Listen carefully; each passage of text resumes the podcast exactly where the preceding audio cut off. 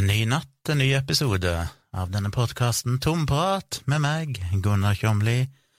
Spilt inn uh, altfor seint, som vanlig. Men jeg er spent på hvordan lyden er i dag. Jeg tror jeg egentlig er ferdig med studiooppsettet mitt. Det er selvfølgelig noen småting som mangler, men sånn lydmessig så har jeg fått på plass ting nå. Holdt på å si dere skulle bare sett det. Det ser ganske kult ut. Jeg har fått rigge opp alt nå. Uh, det, det mangla opprinnelig. De som har sett livestreamen min, har sett denne svære, grå lenestolen jeg har sittet i tidligere, en Ikea-stol. Men den var veldig stor, veldig brei, og jeg hadde lyst til å ha plass til to personer her i studioet mitt, både hvis jeg skulle ha med en gjest, og fordi det både er YouTube-studio og podkaststudio, og meg og Tone spiller jo inn virkelig grusomt hver uke, da er vi jo to personer, og da trengte jeg muligheten for to. Og i tillegg så kjører vi livestream på fredagskveldene som heter Ærlig talt, og da er vi òg to. Så jeg måtte få plass til to, så jeg måtte ditche eh, Ikea-stolen, den er blitt eh, skyvd ut i ja, det jeg nesten må kalle ei kjellerstua her nede, i underleiligheten. Og så var jeg på jakt etter to stoler i dag, og det var ikke bare bare. Vi kjørte ut til Sørlandsparken, var først innom eh, Ja, hvor begynte vi? Vi var iallfall innom Fagmøbler, der vi kjøpte senga vår. Det er ganske mye fine møbler. Men vi fant liksom ikke akkurat det vi ville ha. Eller gjorde vi det? Nei, jeg tror ikke vi gjorde det. Og så kjørte vi videre til Bohus, og der fant jeg noen stoler som for så vidt funka og kravet var at de skulle være relativt smale, men ha armlener, eh, selvfølgelig være ganske gode å sitte i, eh, lite footprint, altså ganske sånn små nederst, ikke de breier seg altfor mye utover på, på, bakken. Og så fant jeg ut etter hvert, det hadde jeg ikke tenkt på, men egentlig så ville jeg ha en stol som roterer litt, som du kan eh, snurre på fordi det er veldig praktisk når stolen står støtt, og du er to gjester, for eksempel, og vil se på hverandre, eller bare skifte litt vinkel, så slipper du å måtte løfte stolen og styre med det, spesielt hvis det er kabler på, på gulvet og sånn. Så jeg fant til slutt noen stoler, men det er dyrt med møbler. Spesielt sånn med en gang du går i stueavdelingen og finner noe som minner om en lenestol, så er det jo fort ifra 6000-7000 og opp til 16 000 og 20 000 for en stol, og det er jo helt absurd. Jeg skulle egentlig bare ha noe ganske så enkelt og relativt billig. Eh, så det som viser seg å funke, var jo kjøkkenstoler, eller sånn spisebordstoler. Og de finnes det en del varianter av, og noen av de, noen veldig få, kan du snurre. Og de ser nesten ut som en liten, hva skal du si, ja, ikke akkurat le, en lenestol, rette ordet. En god stol, iallfall, med armlener og polstring og full pakke. Og de er alltid sjokkerende mye billigere. Eh, selv om de kan være ganske like, de stuestolene, men det er vel bare en sånn ren eh, ja, prispolitikk på at når du kjøper kjøkkenstoler eller spisebordstoler, så kjøper du gjerne flere, fire, seks, åtte, et eller annet sånt, og ikke bare én, som du kanskje gjør hvis du skal kjøpe til stua. Så det er iallfall billigere. Så jeg fant et par som jeg tenkte disse funker. Gikk i disken, og selvfølgelig er det ikke på lager. Sånn er det jo alltid med de fuckings møbelforretningene. Ingenting er på lager, det er jo klin umulig å få kjøpt noe spontant når du skal handle møbler. Da må du som regel bestille ting, og så er det ofte sånn ukevis, for ting skal produseres, altså en lite lagervare, rett og slett, og det er frustrerende, for jeg er jo en sånn person som gjerne vil ha alt med en gang. Og spesielt nå var jeg veldig keen på å få disse stolene, så jeg kan bli ferdig med dette studioet mitt, og aller helst å ha ting ferdig til livestreamen tirsdag kveld, som sikkert er i kveld, hvis dere hører dette umiddelbart podkasten kommer ut, siden han kom ut på tirsdager og fredager. Eh, så ja. Så da gikk vi videre til neste, og det var det var Møbelringen. Vi var innom noe som heter Scan-møbler òg. Det føles som vi var innom et eller annet sted. Jo, vi var innom eh, bolia.com, og de hadde jo en jækla kul stol som heter Professoren, eller Professor, som var en sånn miniatyrversjon egentlig av en skikkelig sånn gammeldags skinnlenestol. Var ikke så altfor dyr, fordi han var ganske liten, og det passa meg fint, men eh, det var selvfølgelig heller ikke på lager.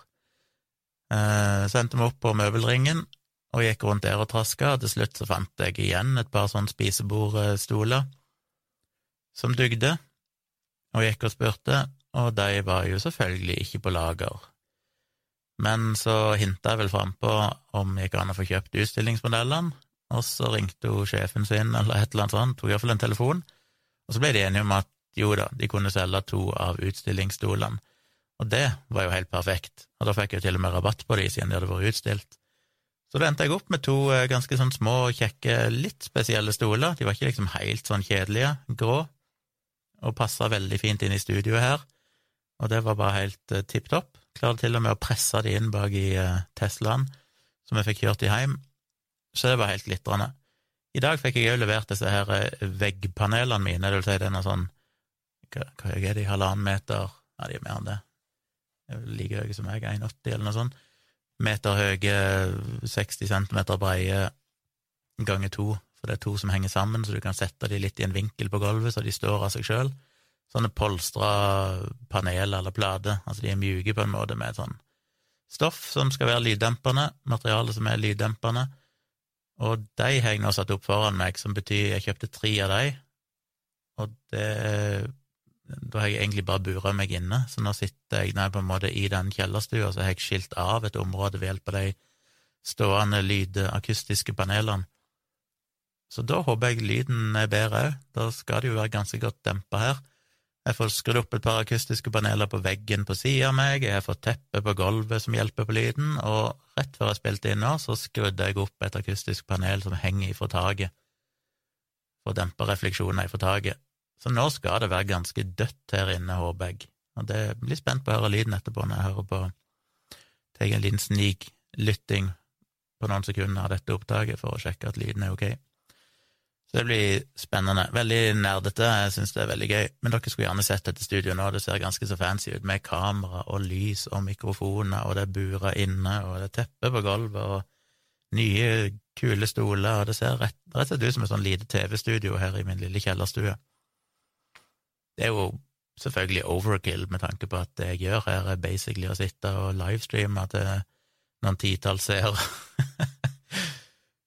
det koster en del penger men jeg liker å gjøre det skikkelig når jeg først gjør det, og jeg håper jo det skal inspirere meg da, til å kanskje gjøre mer etter hvert. Jeg har jo en plan om at når jeg bare får, får, alt på plass, så skal jeg kanskje bli flinkere til å spille inn videoer av podkastene mine.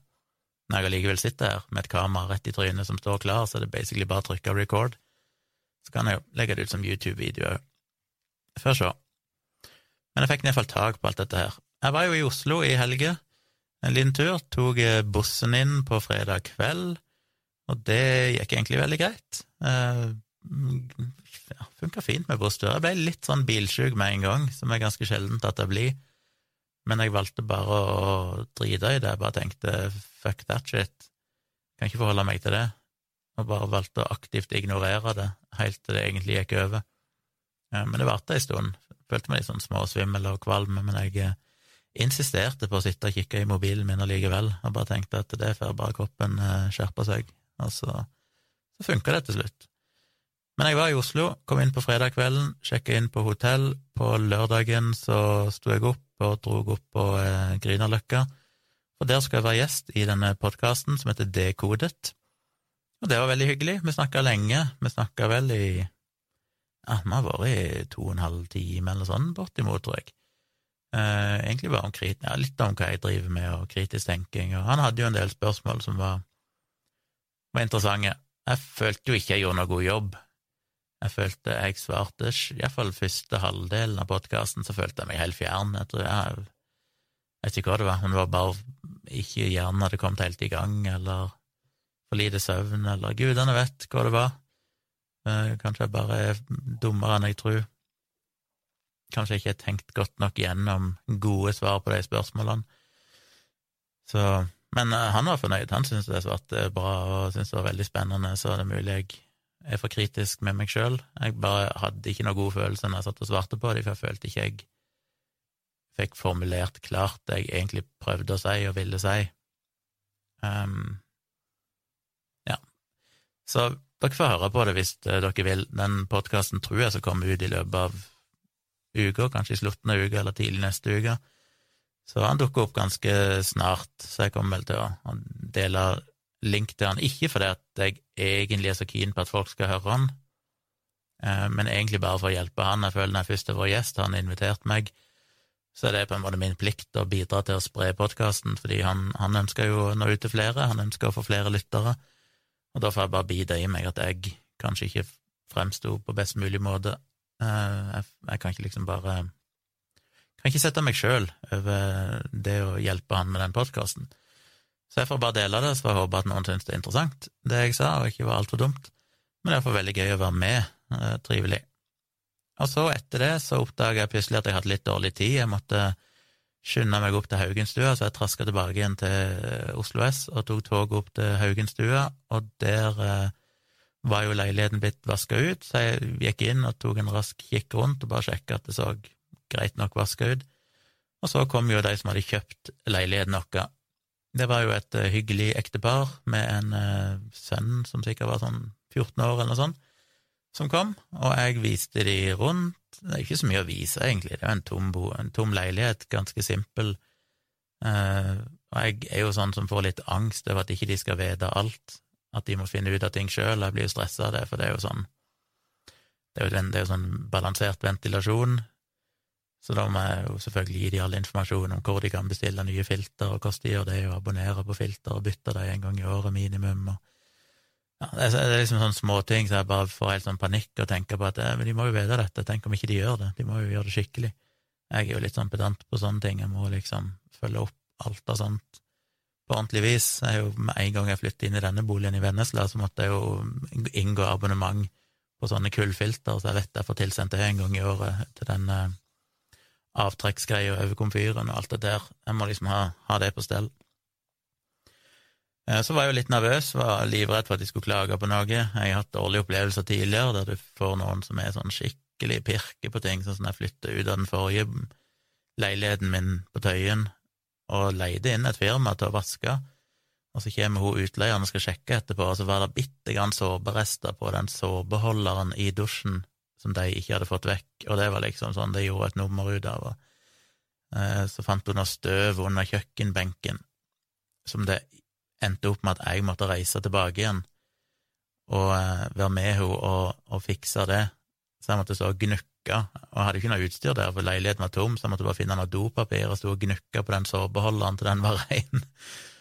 Eh, og så måtte jeg under kjøkkenbenken og fjerne Ja, for hun løsna den der, jeg vet ikke hva du kaller det, sånn eh, deksel da, som går fra undersida av kjøkkenskapene ned til gulvet, en sånn 20, ja, 15-20 centimeter og under der så lå det litt rusk. Og det var sånn, jeg visste jo ikke engang at jeg kan fjerne dem, de har jo aldri vært tatt av så lenge jeg har bodd der, men det måtte vaskes. Og det ironiske var jo det at det som lå under der, var jo blant annet noen sånn ledningsdumper, altså sånn avkutta tupper på ledninger ifra når de hadde installert elekt det elektriske anlegget der, som jo var lenge før jeg flytta inn. Hun hadde jo hatt leietakere før meg, så dette var jo ting som hadde absolutt null med den tida jeg bodde der å gjøre. Eh, og hun hadde tydeligvis ikke sjekka det med de forrige leietakerne, men jeg måtte da vaske dette.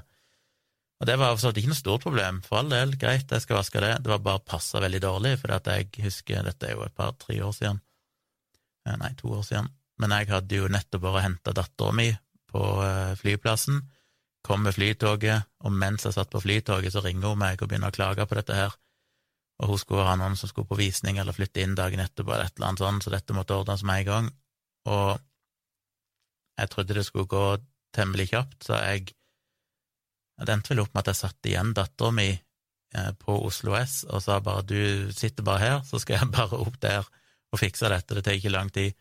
Og så tok det jo så lang tid fordi hun plutselig fant flere ting, ja, dette må fikses, det. Jeg har sjelden vært så stressa, jeg hadde så panikk, dattera mi satt alene på Oslo S på en fredagskveld og jeg eh, altså, satt jo helt offentlig og synlig, så det var ikke sånn spesielt farlig at noe skulle skje. Hun var vel tolv år gammel, men det var ikke veldig behagelig å bare gå ifra. Jeg husker ikke hva var grunnen til at jeg ikke tok henne med meg.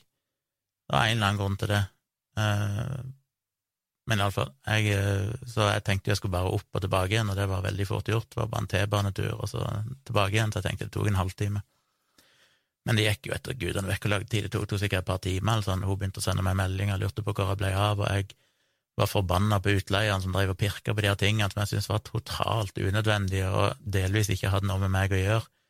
Men så ønsker jeg jo å innfri og være hyggelig, så jeg liksom legger meg flat og begynner å styre på det. Så jeg har hatt dårlige erfaringer før.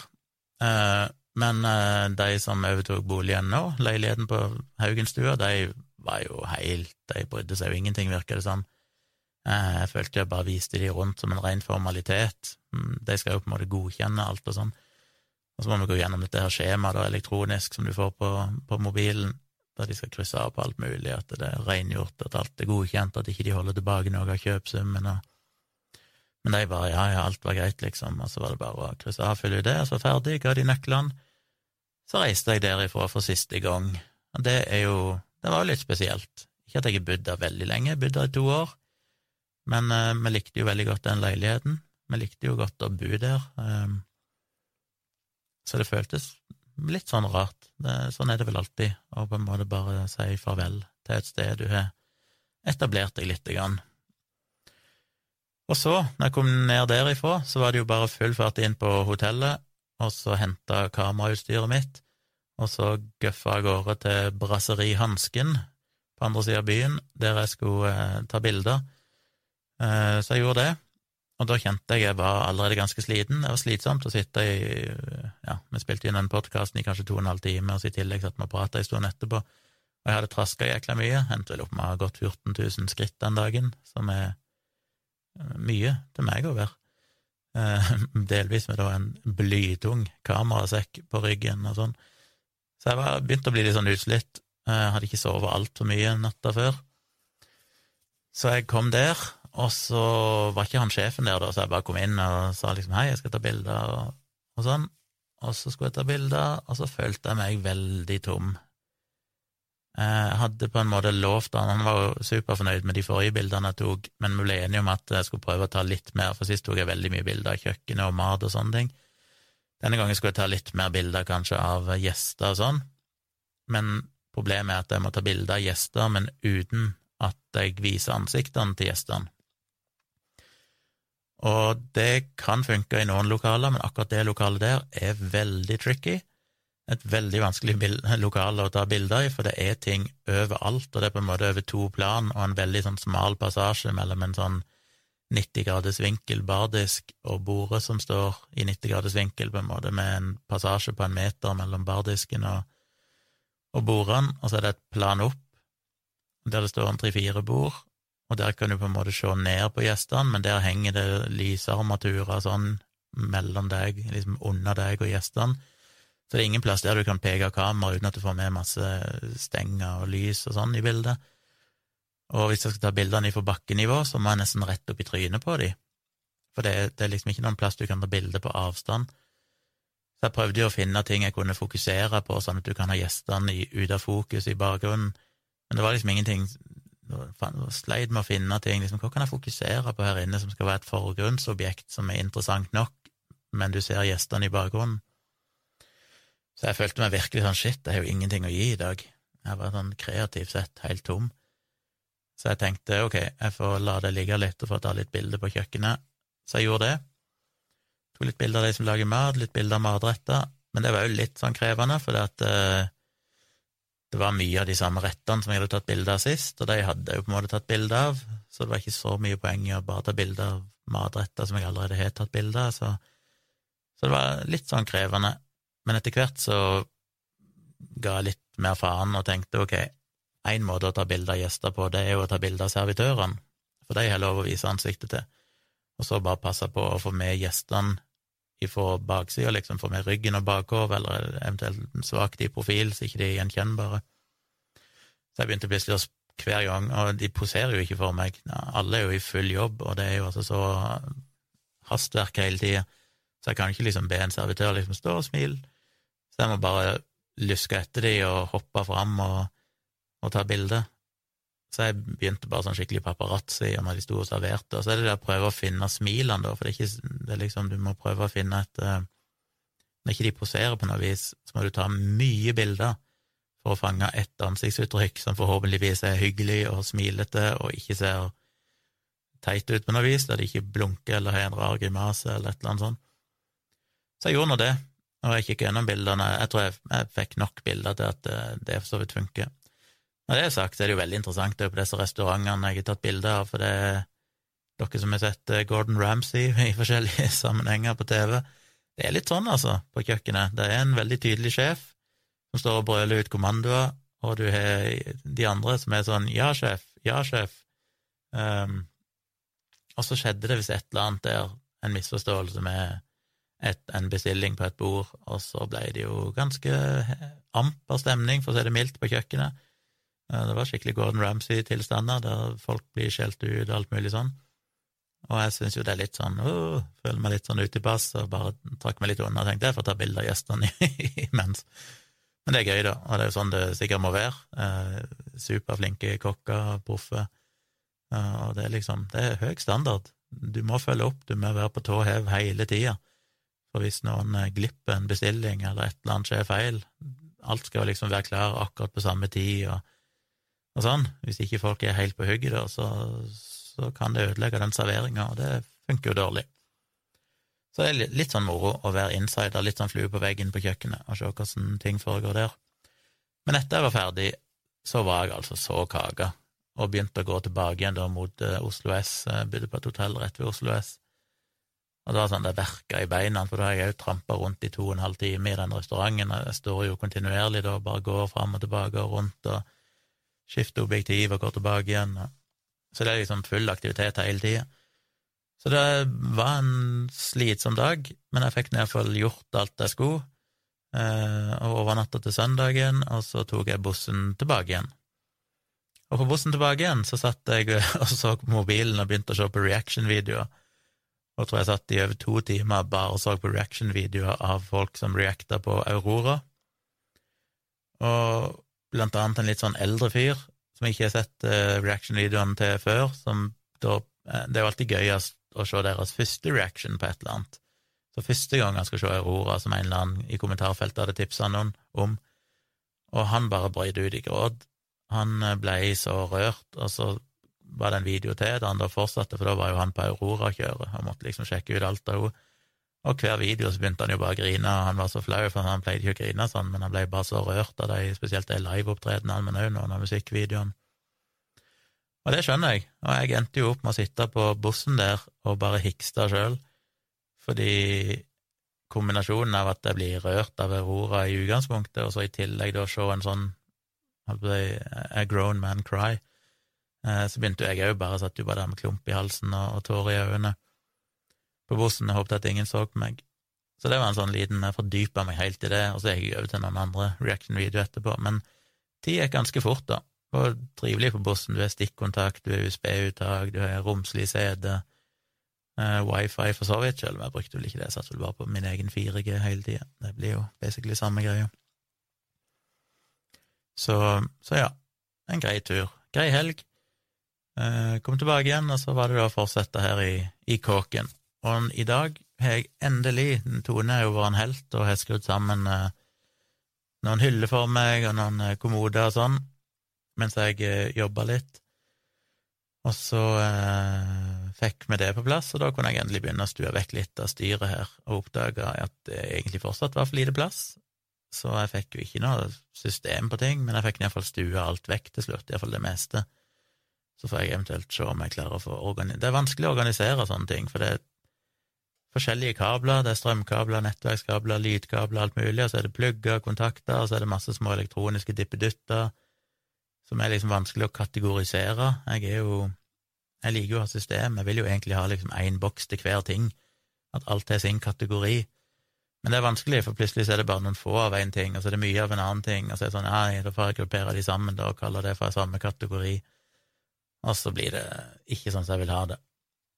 Så, men det duger iallfall. Det viktige var at jeg fikk rydda vekk alle kassene Sånn at denne kjellerleiligheten nå mer eller mindre omtrent kan innvies som ferdig. Nå har jeg fått rydda vekk ting sånn at det går an å bruke sofaen vi kjøpte, denne sovesofaen.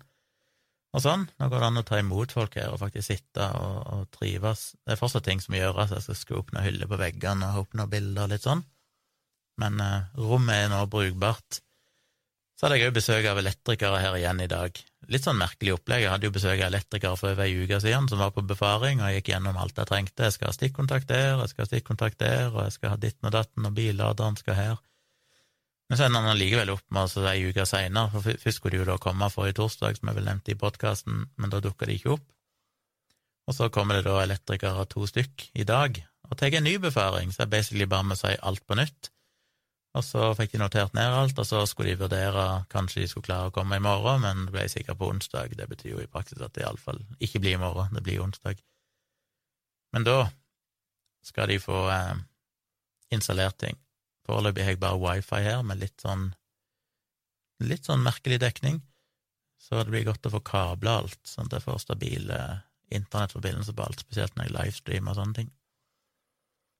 Og så begynte jo bilen å gå tom for strøm igjen, for vi har jo ennå ikke fått opp denne laderen til bilen. Så da vi skulle kjøpe disse stolene til studioet mitt, så skulle jeg egentlig bare kjøpe de i en butikk her i Vennesla, men så var den stengt, den stengte litt tidlig. Og så begynte jeg å ha lite strøm på batteriet, så da tenkte jeg at eh, da kjører vi til Sørlandsparken, for der så vi på kartet at de hadde noen ganske kraftige billadere, 150 watts ladere som ikke var Tesla sine egne, men som hører til dette mer-nettverket. Så da tenkte vi kan like å kombinere det å få lada bilen med å, å, få kjøpt disse stolene og kanskje kikke litt rundt der ute. Så det gjorde vi. Fikk lade opp batteriet og handla stoler, så det var jo en bra tur. Jeg har fått litt eh, mailer. Ja, først må jeg si jeg holdt jo dette foredraget på fredag fra denne videregående skolen borte på Vestlandet, og det var en, en eh, interessant opplevelse. Jeg stressa jo som en gal på torsdagskvelden for å få rigga nok ting klar her, som jeg vel nevnte i forrige episode av podkasten, til at jeg kunne kjøre livestreamen.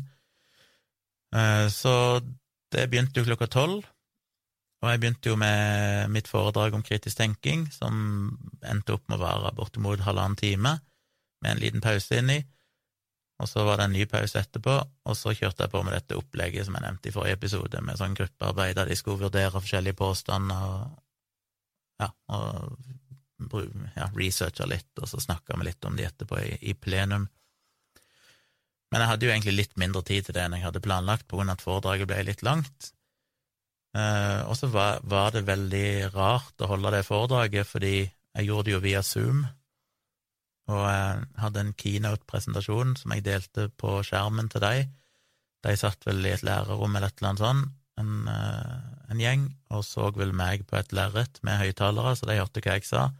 Og så hadde de én mikrofon, så de kunne kommunisere med meg, men den muta de jo når jeg holdt foredrag, så det betyr at jeg kunne se de, iallfall noen av de, ikke alle, men jeg så kanskje halvparten av de i bildet, med litt sånn dårlig bilde, og hørte ingen lyd, og det er litt sånn eh, ja, det er litt som eh, sikkert Dag Sørås og andre komikere under pandemien, når de skulle holde Noen sa liksom 'kan du ikke bare holde standup via livestream'? Men det blir liksom ikke det samme når ikke du har den der eh, direkte kontakten med publikum og uh, hører feedbacken, for jeg hørte jo ikke noe feedback. Og spesielt det å dele av foredraget, spesielt når jeg kom inn på dette med optiske illusjoner og sånn, og da pleier jo folk å bli veldig sånn oh, oh, oh, og så ler de av ting, og, og syns det er veldig moro og overraskende, får litt sånn aha-opplevelse. Men jeg hørte jo ingenting, og jeg klarte egentlig ikke å se om de lo eller smilte, eller For hadde de jo bare et bitte lite vindu på lang avstand, så jeg satt jo bare og tenkte at dette her gikk jo så ræva. Eh, de hater jo dette her. Dette, jeg følte bare de satt og holdt på å sovne, hele gjengen, og dette var det sikkert ingen som likte. Det var mitt inntrykk, selvfølgelig. Og så gikk vi videre til den workshopen og sånn, og så i den plenumsdelen på slutten så ble jo mikrofonen sendt rundt, og da skulle de forskjellige gruppene fortelle hva de hadde kommet fram til og sånn. Og der òg sleit jeg med liksom tolka, Syns de dette var gøy, Syns de dette var for lett, var det for vanskelig, var det uinteressant? Generelt sett så bare syns jeg det var krevende. Eh, så med en gang jeg var ferdig, etter tre og en halv time, så eh, fyrte jeg av gårde en mail til han som booka meg, en lærer der, og sa det liksom at hei, takk for i dag, og, og jeg var egentlig nysgjerrig på feedback. Eh, liksom Funka det opplegget? Var de fornøyd? Ja, jeg fiska rett og slett litt etter å få noe feedback.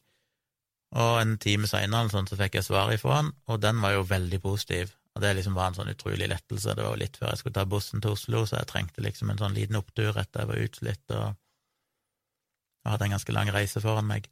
Og da skrev han iallfall at ja, en av lærerne hadde sagt at det var det beste, beste fagdagen i skolens regi som han hadde vært med på, og en annen hadde lagt til podkasten min i podkastappen i pausen, og liksom Men jeg skulle få en litt mer skikkelig tilbakemelding eh, mandag over helga, altså i dag, da. Eh, eller i går, alt etter som. for da skulle de ha en evaluering. Og Så fikk jeg den mailen i dag, og den bekrefter egentlig det samme, at de var egentlig veldig fornøyd. Eh, litt sånn småpirk, noen mente kanskje foredraget kunne vært litt kortere, så de hadde fått litt mer tid til gruppearbeidet, for det syntes de var veldig spennende. Men det betyr jo at selv om det var eh, ja, eh, forsiktig kritikk, så var det jo kamuflert skryt òg, for de likte jo tydeligvis det gruppeopplegget. Så konklusjonen var jo at dette var et opplegg jeg trygt kunne bruke på andre skoler, for det syntes de funka veldig, veldig bra. Og det var jo utrolig godt å høre, fordi da føler jeg jo at ok, da kan jeg liksom ta betalt og fakturere med god samvittighet, og da føler jeg at han som booka meg, kan gå med hodet høyt heva, at ikke han dreder seg ut ved å booke inn meg til å, gjøre dette. Og alt liksom eh, føles mye bedre, både på mm, det ansvaret jeg føler overfor han, og ikke minst eh, ja, selvfølgelig at jeg vil at folk skal synes det er bra, det jeg gjør, og òg det at jeg, jeg synes det er kult at jeg har laget et opplegg, det kan selvfølgelig tilpasses og bli sikkert videreutvikla, men det er et opplegg som da tydeligvis fungerer, som kan brukes for lærere på forskjellige skoler. Så igjen, hvis du jobber på ei skole eller kjenner noen eh, som kan ha interesse av dette, og kjøre en fagdag eller seminar for lærerne for å gi dem inspirasjon til hvordan de kan jobbe med kritisk tenking i skolen, og òg gi dem et innblikk i, for det var vel det de fikk ut av det foredraget mitt, at de hadde fått øynene opp for liksom mange ting de aldri hadde tenkt på i måten å tenke kritisk eh, rundt media, statistikk, sosiale medier, falske eksperter, alle sånne ting. Så det, det tror jeg de fikk en del ut av. Eh, eneste jeg ikke kunne gi dem, var liksom sånn konkret dette bør dere gjøre med elevene, liksom sånn bør dere Fordi jeg er jo ikke noen pedagog sånn sett, jeg er ikke utdanna, jeg, jeg er ikke noen ekspert på det. Og det er vel kanskje ikke hensikten heller. Det viktige for meg er jo å inspirere de, og så er det jo de som er fagpersonene, og eventuelt må utforme opplegg som passer til deres elever. Men til det funker det iallfall tydeligvis bra, da.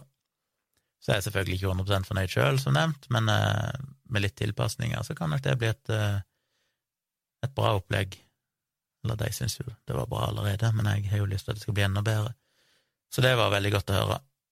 Jeg har fått eh, noen mailer, jeg skal ta det litt sånn kjapt, skal ikke holde på altfor lenge.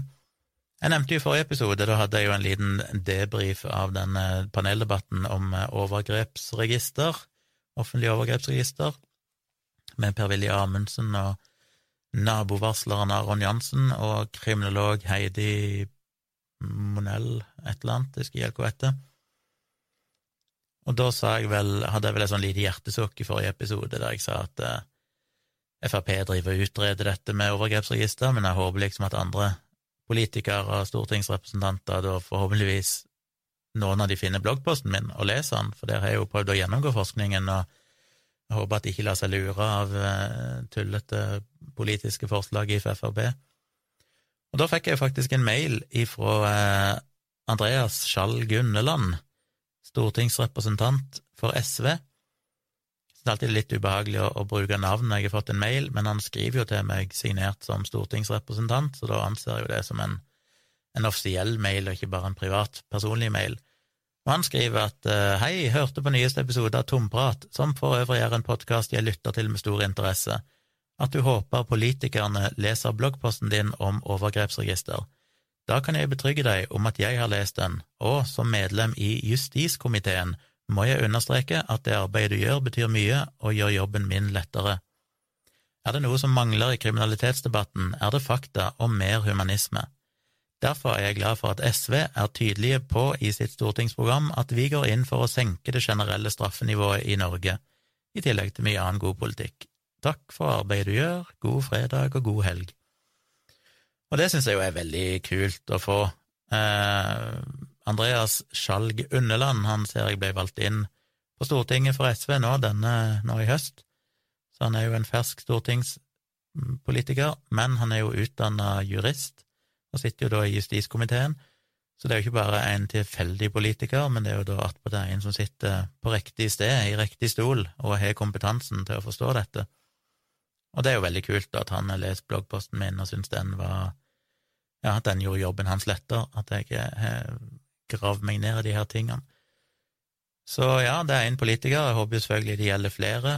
Jeg håper kanskje han vil dele, podcast, nei, dele bloggposten med, med, flere av sine kollegaer på Stortinget, iallfall i sitt eget parti. Eh, men det, det, det, føles jo litt godt. Det føles jo litt som at ok, det, da når du jo litt ut til de rette folkene, og det er jo viktig for meg. Jeg vil jo at det skal ha en betydning. Og eh, ja, kult at han hører på podkasten min òg. Dette er jo også et kompliment. Og så tenkte jeg å si bitte grann, for det var en som sendte meg en eh, DM på Twitter, som jeg jo ikke er superglad i. Jeg håper jo egentlig at folk sender meg mail på tompratpodkast fordi når jeg får det på Twitter, så er det 90% sjanse for at det blir glemt vekk. Denne gangen så screenshotta jeg det, men å bare maile den til meg sjøl, bare som jeg skulle huske, for når jeg har den i innboksen, det er liksom min to do-liste, det er innboksen på mailen, og da visste jeg at den lå der. Eh, så da ble jeg påminnet det i dag, så da husker jeg å se på det. Det er jo en artikkel på tv2.no som jeg har glemt å åpne i forkant her, så nå klikker jeg meg inn på den. Skal vi se Som heter FHI til TV 2 foreslår at kvinner med mensforstyrrelser utsetter tredje dose. Og det handler jo da om at flere kvinner som har fått eh, koronavaksinene, har fått disse menstruasjonsforstyrrelsene, og at noen av de nå vegrer seg. Ja, det er aldri godt å vite, liksom, hvor mange som vegrer seg det å intervjue med én person, basically. Ofte er det jo sånn, finner én person som mener et eller annet, så er det plutselig at dette er utbredt. Vet ikke hvor utbredt det er, men iallfall ei de intervjua, og de hevder iallfall at eh, flere kvinner vegrer seg for å ta en, tredje dose. Nå er jo ikke en tredje dose foreløpig anbefalt for folk flest, men det kan jo komme. Og eh, ja, jeg har jo snakka litt om dette før, og det jeg har jo snakka om det i flere omganger først vel allerede i vår, da de første sånn rapportene om dette begynte å komme. Eh, da sa jeg vel at en kan ikke utelukke at det er noe med vaksinen å gjøre, og jeg forklarte jo, og det vil jeg skrevet i bloggen min, at det er jo eh, plausible mekanismer, det med at immunresponsen genererer jo en slags betennelsesreaksjon i kroppen som kan påvirke, eller som vil påvirke hormoner. Så det er ikke helt urimelig å anta at en sånn vaksine kan påvirke kanskje da menstruasjonen òg. Eh, samtidig så så det ut, i hvert fall i starten, til å bare kanskje gjelde den første eller andre menstruasjonen, at det kanskje fikk en ekstra kraftig blødning. Så etter en, en måned eller to så, så, var det egentlig overstått. Um, men jeg sa vel òg at Men så forklarte jeg jo òg i podkasten, og muligens i bloggen, jeg husker ikke helt, hvorfor dette òg er en sånn typisk eksempel på hvor lett det er å la seg lure av årsak og virkning, dette med post hoc ergo propter hoc fordi noe skjer etter noe annet, så betyr ikke det at det første utløste det andre. Eh, og det er jo dette her med at hvis det først kommer noen medieoppslag der noen mener dette, så blir folk mer oppmerksom på det, og så begynner de kanskje å, å reagere mer på en kraftig menstruasjon enn det de ville gjort ellers, selv om kanskje, de kanskje har hatt sånne kraftige menstruasjoner tidvis før de ble vaksinert òg. Jo det med at de som ble vaksinert først, var jo, eller ikke aller først, men ganske tidlig, var jo folk som kvinner da, som gjerne var i overgangsalderen, og en viss prosent av de vil jo akkurat ha kommet i overgangsalderen og plutselig merka endra menstruasjon, at det sammenfaller med tidspunktet de får vaksinen. Så en statistisk sett vil jo anta at noen, ellers vil jo forvente noen sånne tilfeller. Og en del andre ting jeg snakket om og skrev om, som gjør at det, vi kan ikke automatisk anta at det er en sammenheng her. Men jeg holdt jo døra på gløtt for at det kunne være det. Så jeg tatt det opp seinere og påpekte at uh, det ser ut til at det kan være en større sjanse for at det er noe. EMA, altså det europeiske legemiddelorganisasjonen, eller hva du kaller de, de har jo tidligere gjort en analyse og konkludert med at det neppe var noen sammenheng, men det er jo kommet flere rapporter, og FHI, som jeg har nevnte i en tidligere episode, har jo da starta en studie for en tid tilbake, og den jobber de visst på spreng med å fullføre for å konkludere, så vi vet jo ennå ikke Eh, de systematiske analysene har jo ennå ikke konkludert med om det faktisk er relatert til vaksinen. Men jeg kjenner jo sjøl minst to personer, to damer, som eh, har fått uh, sier de har fått uh, endra menstruasjon en periode etter vaksinen. Felles for alt dette her er jo at det er forbigående.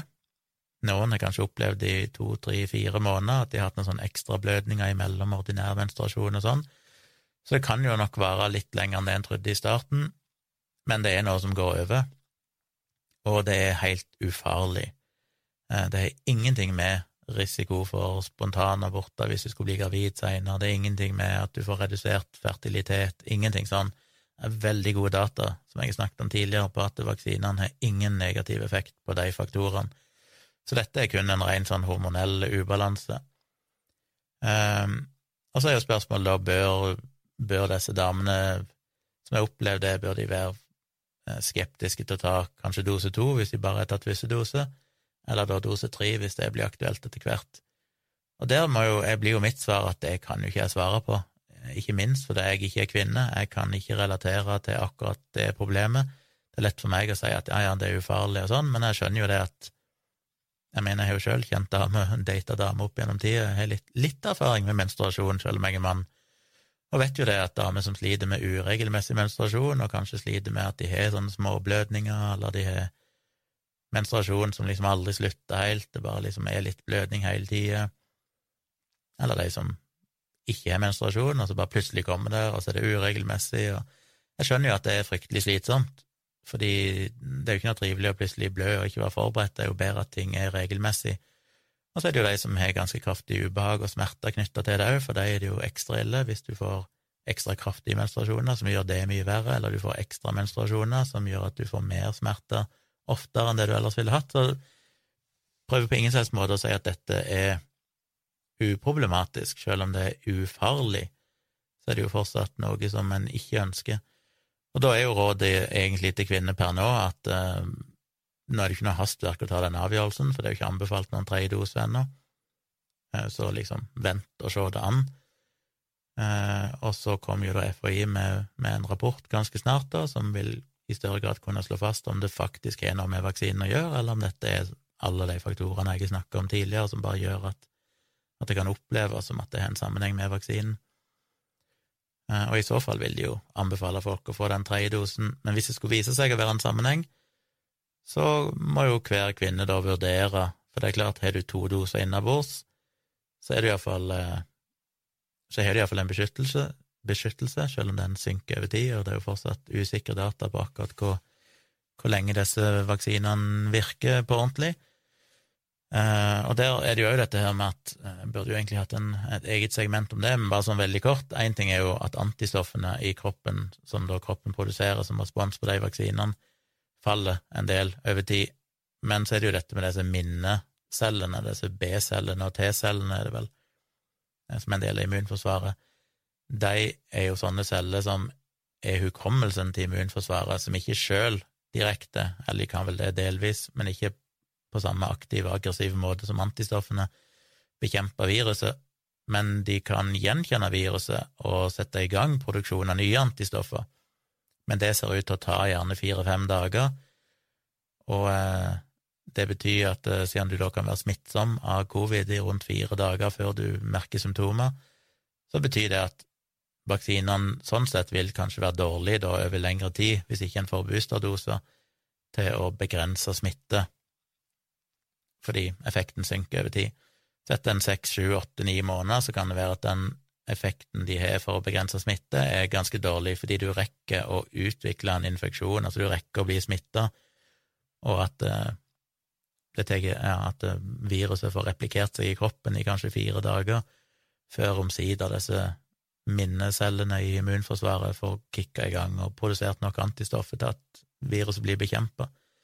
Men det betyr samtidig at selv om det er mye snakk om at antistoffene blir redusert ganske kraftig etter noen måneder, så betyr ikke det at du dermed ikke har noen effekt av vaksinene, for du vil fortsatt ha disse minne, minnecellene som gjør at kroppen da mye raskere enn ellers vil kunne produsere antistoffer, og dermed hindre alvorlig sykdom.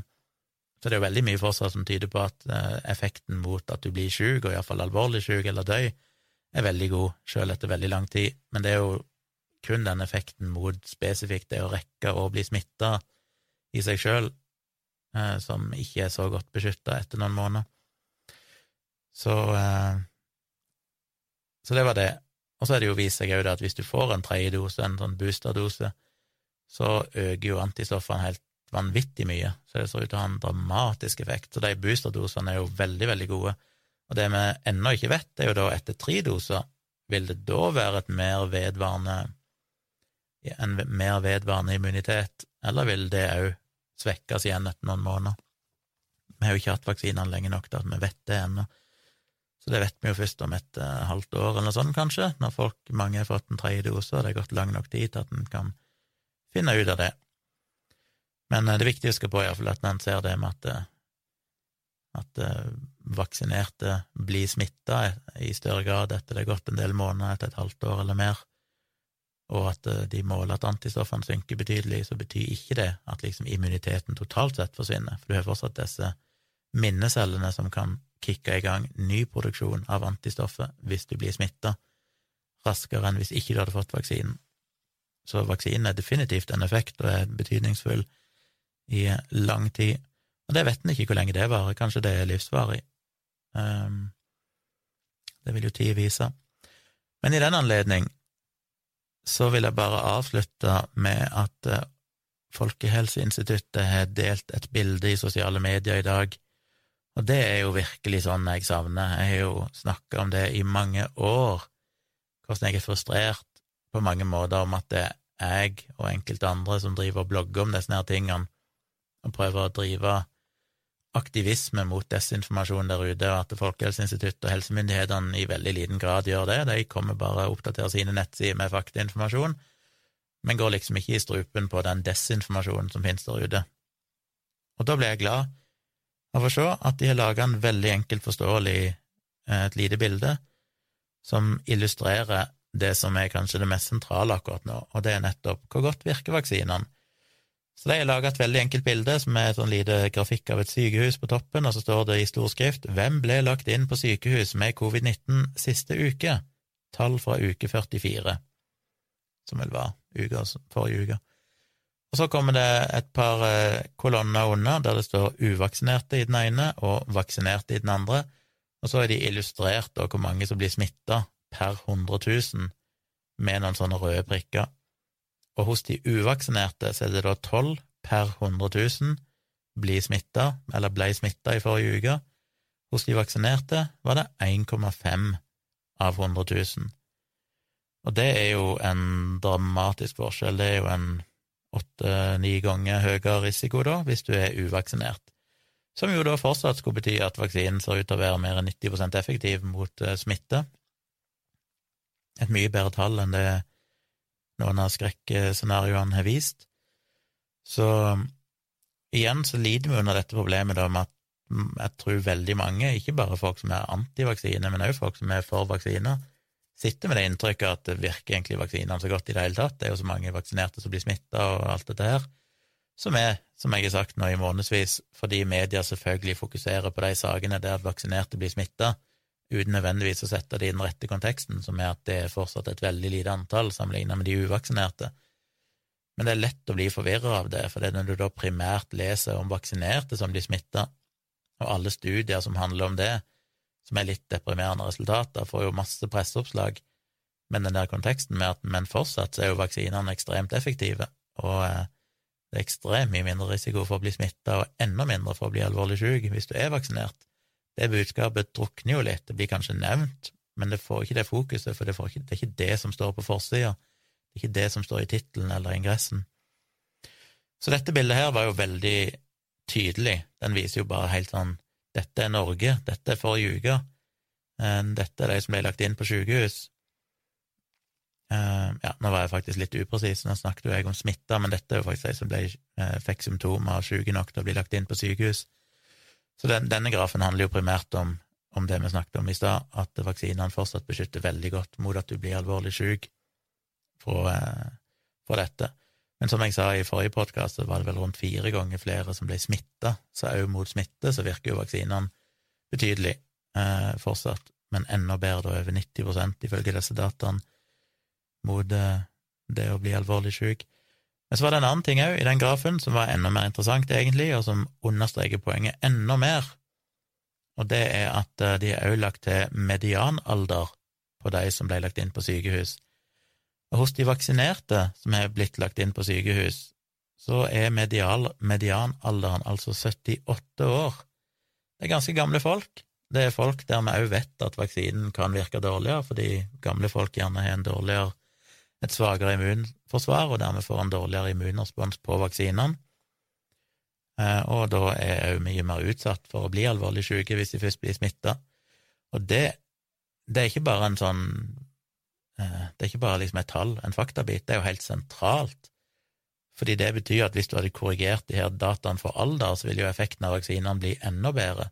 For her sammenligner du da egentlig de veldig gamle og utsatte personer med de uvaksinerte, der medianalderen er helt nede i 47 år, som tilfeldigvis er akkurat så gammel som jeg er.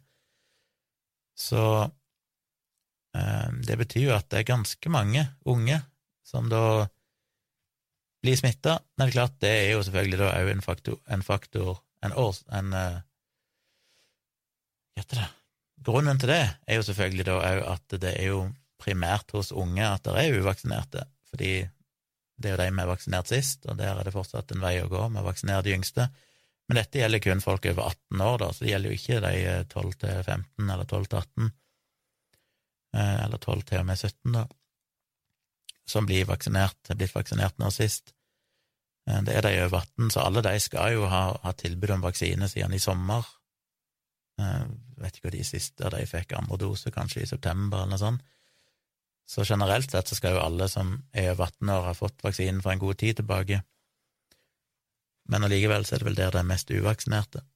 Men der er iallfall medianalderen bare 47 år, mens hos de vaksinerte er han 78 år, og da altså ja, Hvor blir det? Åtte ganger høyere eller noe sånt eh, risiko for å havne på sykehus hvis du er uvaksinert. Så det satte jeg veldig pris på at de Jeg skulle ønske det var mer av sånt, altså. At eh, for, for helsemyndighetene gikk ut mer tydelig, og ikke at det må være noe sånn angrep på vaksinemotstandere, jeg vet at de har ikke lyst til å blande seg inn i den debatten direkte, men bare komme med tydelig og god, korrekt informasjon, og ikke bare lange artikler inne på nettsidene sine som ingen finner eller gidder å lese, men bruke sosiale medier til å lage den type grafikk.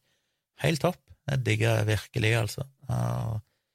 Den eh, var tydelig, umulig å misforstå den, og, og viser jo veldig tydelig at for all del det er fortsatt best å vaksinere seg. Så det var dagens episode. Det ble jo faktisk nesten en time allikevel, selv om jeg følte jeg hadde ingenting å si. Sånn er det jo som regel. Eh, jeg håper jo nå dere har lyst til å komme på livestreamen min i kveld, tirsdag kveld, 16. november. Starter vel klokka 11, som jeg pleier å gjøre på kvelden. Inne på min YouTube-kanal Tvilsomt med Tjomli, og det blir også streama til Facebook på Facebook-sida mi, som heter Saksynt, som dere kan selvfølgelig gå inn og følge og like, og på min Facebook-profil, Gunnar Kjomli. Eh, det går vel òg ut på eh, Twitter, tror jeg, så der finner dere han òg. Men det er best å være på YouTube. Da har du en god livechat og alt dette her, der du kan følge alt i real time. Så jeg uh, håper dere vil komme og se mitt nye studiooppsett. Ikke at dere ser så mye av det, dere ser jo fortsatt bare meg og en bakgrunn. Dere får ikke se alt vidunderet som er rundt meg, men det blir jo like gøy å se om dere syns det ser bra ut. Det blir bedre enn de to siste livestreamene mine, iallfall der jeg bare har streama fra kontoret med et helt håpløst lys og dårlig lyd og, og sånn. Sånne korte nødstreamer jeg har hatt bare for å være synlig. Så det håper jeg at mange av dere har lyst til å stikke innom livestreamen min. Og hvis ikke dere rekker å se det live, så blir det liggende ute på YouTube-kanalen min, så dere kan når som helst gå inn og sjekke ut den nyeste livestreamen eh, etterpå, når det måtte passe dagen etterpå eller seinere, hvis dere har lyst til det. Så minner dere på forumet kritisketenkere.no. Jeg har vært veldig fraværende der fordi jeg har vært så opptatt. Um, men uh, det skjer ting der inne. Jeg håper dere vil delta. Jeg skal komme sterkere tilbake. Skal prøve å få til ting uh, for å stimulere litt aktivitet. Kanskje noen konkurranse og sånn. Har nylig fått kjøpt et lass med bøkene mine billig i placebo-defekten, fordi de skulle tømme lageret sitt hos forlaget. Så jeg fikk kjøpt masse bøker, kassevis med bøker til en veldig billig penge, så kommer jeg jo sikkert til å kjøre noen kampanjer på boka mi, iallfall den boka, til en veldig rabattert pris, og kanskje bruke som premie og sånn òg rundt forbi. Og så må jeg bare nevne på tampen at jeg så det var, det var jo en artikkel på nettstedet subjekt.no for en tid tilbake som, hvis jeg husker rett, hadde noe med en eller annen person som mente at Jeg husker faktisk ikke helt hva det handlet om, det var et eller annet med Afrika, og argumentet var iallfall et eller annet i retning av at eh, det hadde gått så greit med pandemien i Afrika, det var nesten ingen der som hadde blitt syke og dødd, og derfor var det ikke noe vits i å vaksinere de i stor grad, det vel, jo, det var vel et eller annet med det med at vi skulle donere vaksiner til Afrika, men det virka som helt feil strategi. Det var et eller annet sånt. Jeg husker faktisk ikke. Herregud, det er så glemsk hvor tid. Eh, og så skrev jeg jo et, eh, en kritikk av den, en debunking, og viser til masse informasjon, forskning som tyder på at tallene fra Afrika var ekstremt underrapporterte, og at det har gått ikke bare dårlig i Afrika, det er sannsynligvis gått enda dårligere der enn det er gjort i de rikere land. Selv om det ser ut til å være en slags myte om at det ikke har så Afrika ikke er blitt ramma så hardt av pandemien, så ser det ut til at de kanskje er blitt ramma enda hardere enn enn Europa, eh, og det er jo blitt veldig underkommunisert. Så jeg påpekte vel det, jeg husker ikke helt hva andre ting det var, men jeg skrev iallfall det, og hadde glemt det helt vekk. Det, det, var jo en tid tilbake, ganske mange uker siden, tror jeg. Og så plutselig i dag så ser jeg noen deler på Twitter at han fyren da, som skrev den opprinnelige artikkelen på subjekt.no, han har jo da skrevet en ny eh, tilsvar til bloggposten min, som gikk på et eller annet at jeg var en helt håpløs faktasjekker og et eller annet sånt, tror jeg. Jeg har ikke lest den, Eh, og det sier jo litt om sinnstilstanden min når det dukker opp en sånn artikkel med, som bare er et rent angrep på meg, og så har jeg ikke engang gidda å lese den. Føler det er en god ting. Tidligere så hadde jeg jo frika helt ut og hoppet på tastatur og fått helt panikk for å skrive tilsvar. Nå er det litt sånn jeg registrerer at det er der, men jeg ikke rukket å lese det ennå, så får jeg se når jeg rekker å skrive noe. Men jeg kommer nok til å skrive noe om det når jeg bare får tid til det. Så det kan jo bli interessant. Den, den gikk jo òg rett inn i kjernen på den der eh, teksten jeg hadde på trykk et eller annet sted. Jeg husker ikke hvor det var lenger. Det var ikke Nettavisen, nei. Et eller annet sted der jeg skrev en tekst om dette med at jeg ikke ville publisere tekster i avisene, for at, eh, da spiller jeg bare opp under det opplegget de driver med, at de setter håpløse tekster på trykk for å skape debatt og få andre til å skrive motsvar og sånn, og det er sånn en, en, et, et, spill jeg ikke vil spille. Og det var jo nettopp det, men det ble vel delvis inspirert av den subjektartikkelen, for da var det jo noen som påpekte at jeg burde jo sende tilsvaret mitt inn til subjekt, og så sa jeg nei, det gidder jeg ikke, og hvis jeg setter en sånn idiotisk artikkel på trykk som er så full av faktafeil, der redaksjonen tydeligvis ikke gidder å sjekke om dette henger på greip før de trykker det, så skal ikke jeg belønne de ved å skrive inn en, en, tekst som gjør at de får enda mer klikk og visninger. Uh, så det kommer jeg ikke til å gjøre nå heller. Jeg kommer til å skrive tilsvaret i min egen blogg. Så får de ha de dårlige tekstene på sin uh, nettavis, som de burde skamme seg over, og så får de ikke faktasjekkene på sin nettavis, for jeg må jo si at den har ikke lest den andre ennå, men den første var jo håpløst dårlig kildekritikk. Og hvis den andre er like dårlig, så er jo ikke det noe subjekt burde være stolt av å sette på trykk, selv om jeg vet subjekt er jo veldig opptatt av dette med ytringsfrihet og cancel culture og hele den sulamitten, og sikkert er veldig ivrig etter å sette provoserende tekster på trykk. Jo dårligere teksten er, jo mer provoserende er jo, da blir han sikkert superinteressant for deg. Veldig dårlig strategi, veldig ødeleggende. Skulle ønske de ikke gjorde det. Skulle ønske de innså at det hadde ingenting med ytringsfrihet å gjøre. De må ikke senke den redaksjonelle standarden bare for å skape debatt og la folk med kritiske røster slippe til. De må for all del la kritiske røster slippe til, men det må jo da være basert på at de baserer seg på fakta, og ikke bare dikte opp ting for å fremstå som kontrære til de offisielle rådene. Om pandemien og alt dette her, så, så fuck deg. Men eh, det kommer et tilsvar i bloggen min på et eller annet tidspunkt. Eh, så blir det spennende når jeg skal lese den teksten hans. Jeg må ta meg tid til det på et eller annet tidspunkt og finne ut hva han egentlig har skrevet for noe. Men ja, det kommer. Men takk for at du hørte på igjen. Det ble en times podkast. Eh, del med dine venner, tips andre om podkasten min. Hyggelig om dere tar dere bryet til å gå innom eh, Apple Podkast og skrive en hyggelig kommentar, fordi det er jo ofte sånn, det har jeg merka òg med Virkelig grusomt, at de som liker podkasten, de sender noen mail og skriver positive kommentarer på Facebook. De som ikke syns det er noe bra, de skriver en negativ kommentar inne på Apple Podkast. Og det er jo veldig synd, fordi da gir det jo helt feil inntrykk. Eh, ikke at jeg har fått så mye negative kommentarer på denne podkasten, men det er en og annen som bare syns at dette er kjedelig, og et eller annet sånt. Men jeg vet jo at det er en del som hører på, jeg får mye positive tilbakemeldinger, og da betyr det mye at dere tar dere bryet til å skrive en hyggelig review og kanskje gi meg fem stjerner. Og det er ikke sånn tilfeldig at jeg sier Apple Podcasts, fordi at Apple, eller det som tidligere var iTunes, det er jo på en måte navet i uh, podkastverdenen alle andre podkast-apper og sånn, de henter gjerne dataene sine ifra Apple Podkast-biblioteket. Og Det betyr at hvis eh, du blir rata høyt og får engasjement gjennom kommentarer, så er det større sjanse for at den podkasten blir synlig i alle slags apper, ikke bare Apple Podkast. Så søk gjerne opp Apple Podkast. Har dere en iPhone, så har dere sikkert den podkast-appen installert, den standardappen. Der kan du søke opp Tomprat. Selv om ikke du lytter til Tomprat i den podkast-appen, så kan du fortsatt åpne den appen og søke opp Tomprat, og gå inn og skrive en hyggelig kommentar og gi meg noen hyggelige stjerner. Hvis du syns det er verdt det, selvfølgelig, men det vil hjelpe veldig på at jeg kan nå ut til flere. Så hvis du syns det er viktig det jeg snakker om, eh, så gjør gjerne det. Det verdsetter jeg veldig. Og det er ikke for min del, ikke fordi jeg skal få positive tilbakemeldinger, for da kan dere gjerne bare sende det på mail eller andre plasser. Jeg setter jo alltid pris på det, men det er jo lite betydning for selve algoritmene og hvor synlig podkasten min er, det trenger jeg primært å få servert inne på Apple Podkast, for det er der det betyr noe. Om ikke du vil skrive noe, så går det an å bare trykke fem stjerner, for eksempel. Det er veldig fort gjort, og betyr mye. Kommentarene er en bonus hvis du skriver det i tillegg. Så ja, det var min lille oppfordring. Så jeg håper jeg ser dere på livestream. Jeg håper dere hører på meg igjen på fredag når neste episode kommer ut, og òg da følger meg og Tone på livestreamen vår den første felles livestreamen i nye stoler i nytt studio på fredag kveld.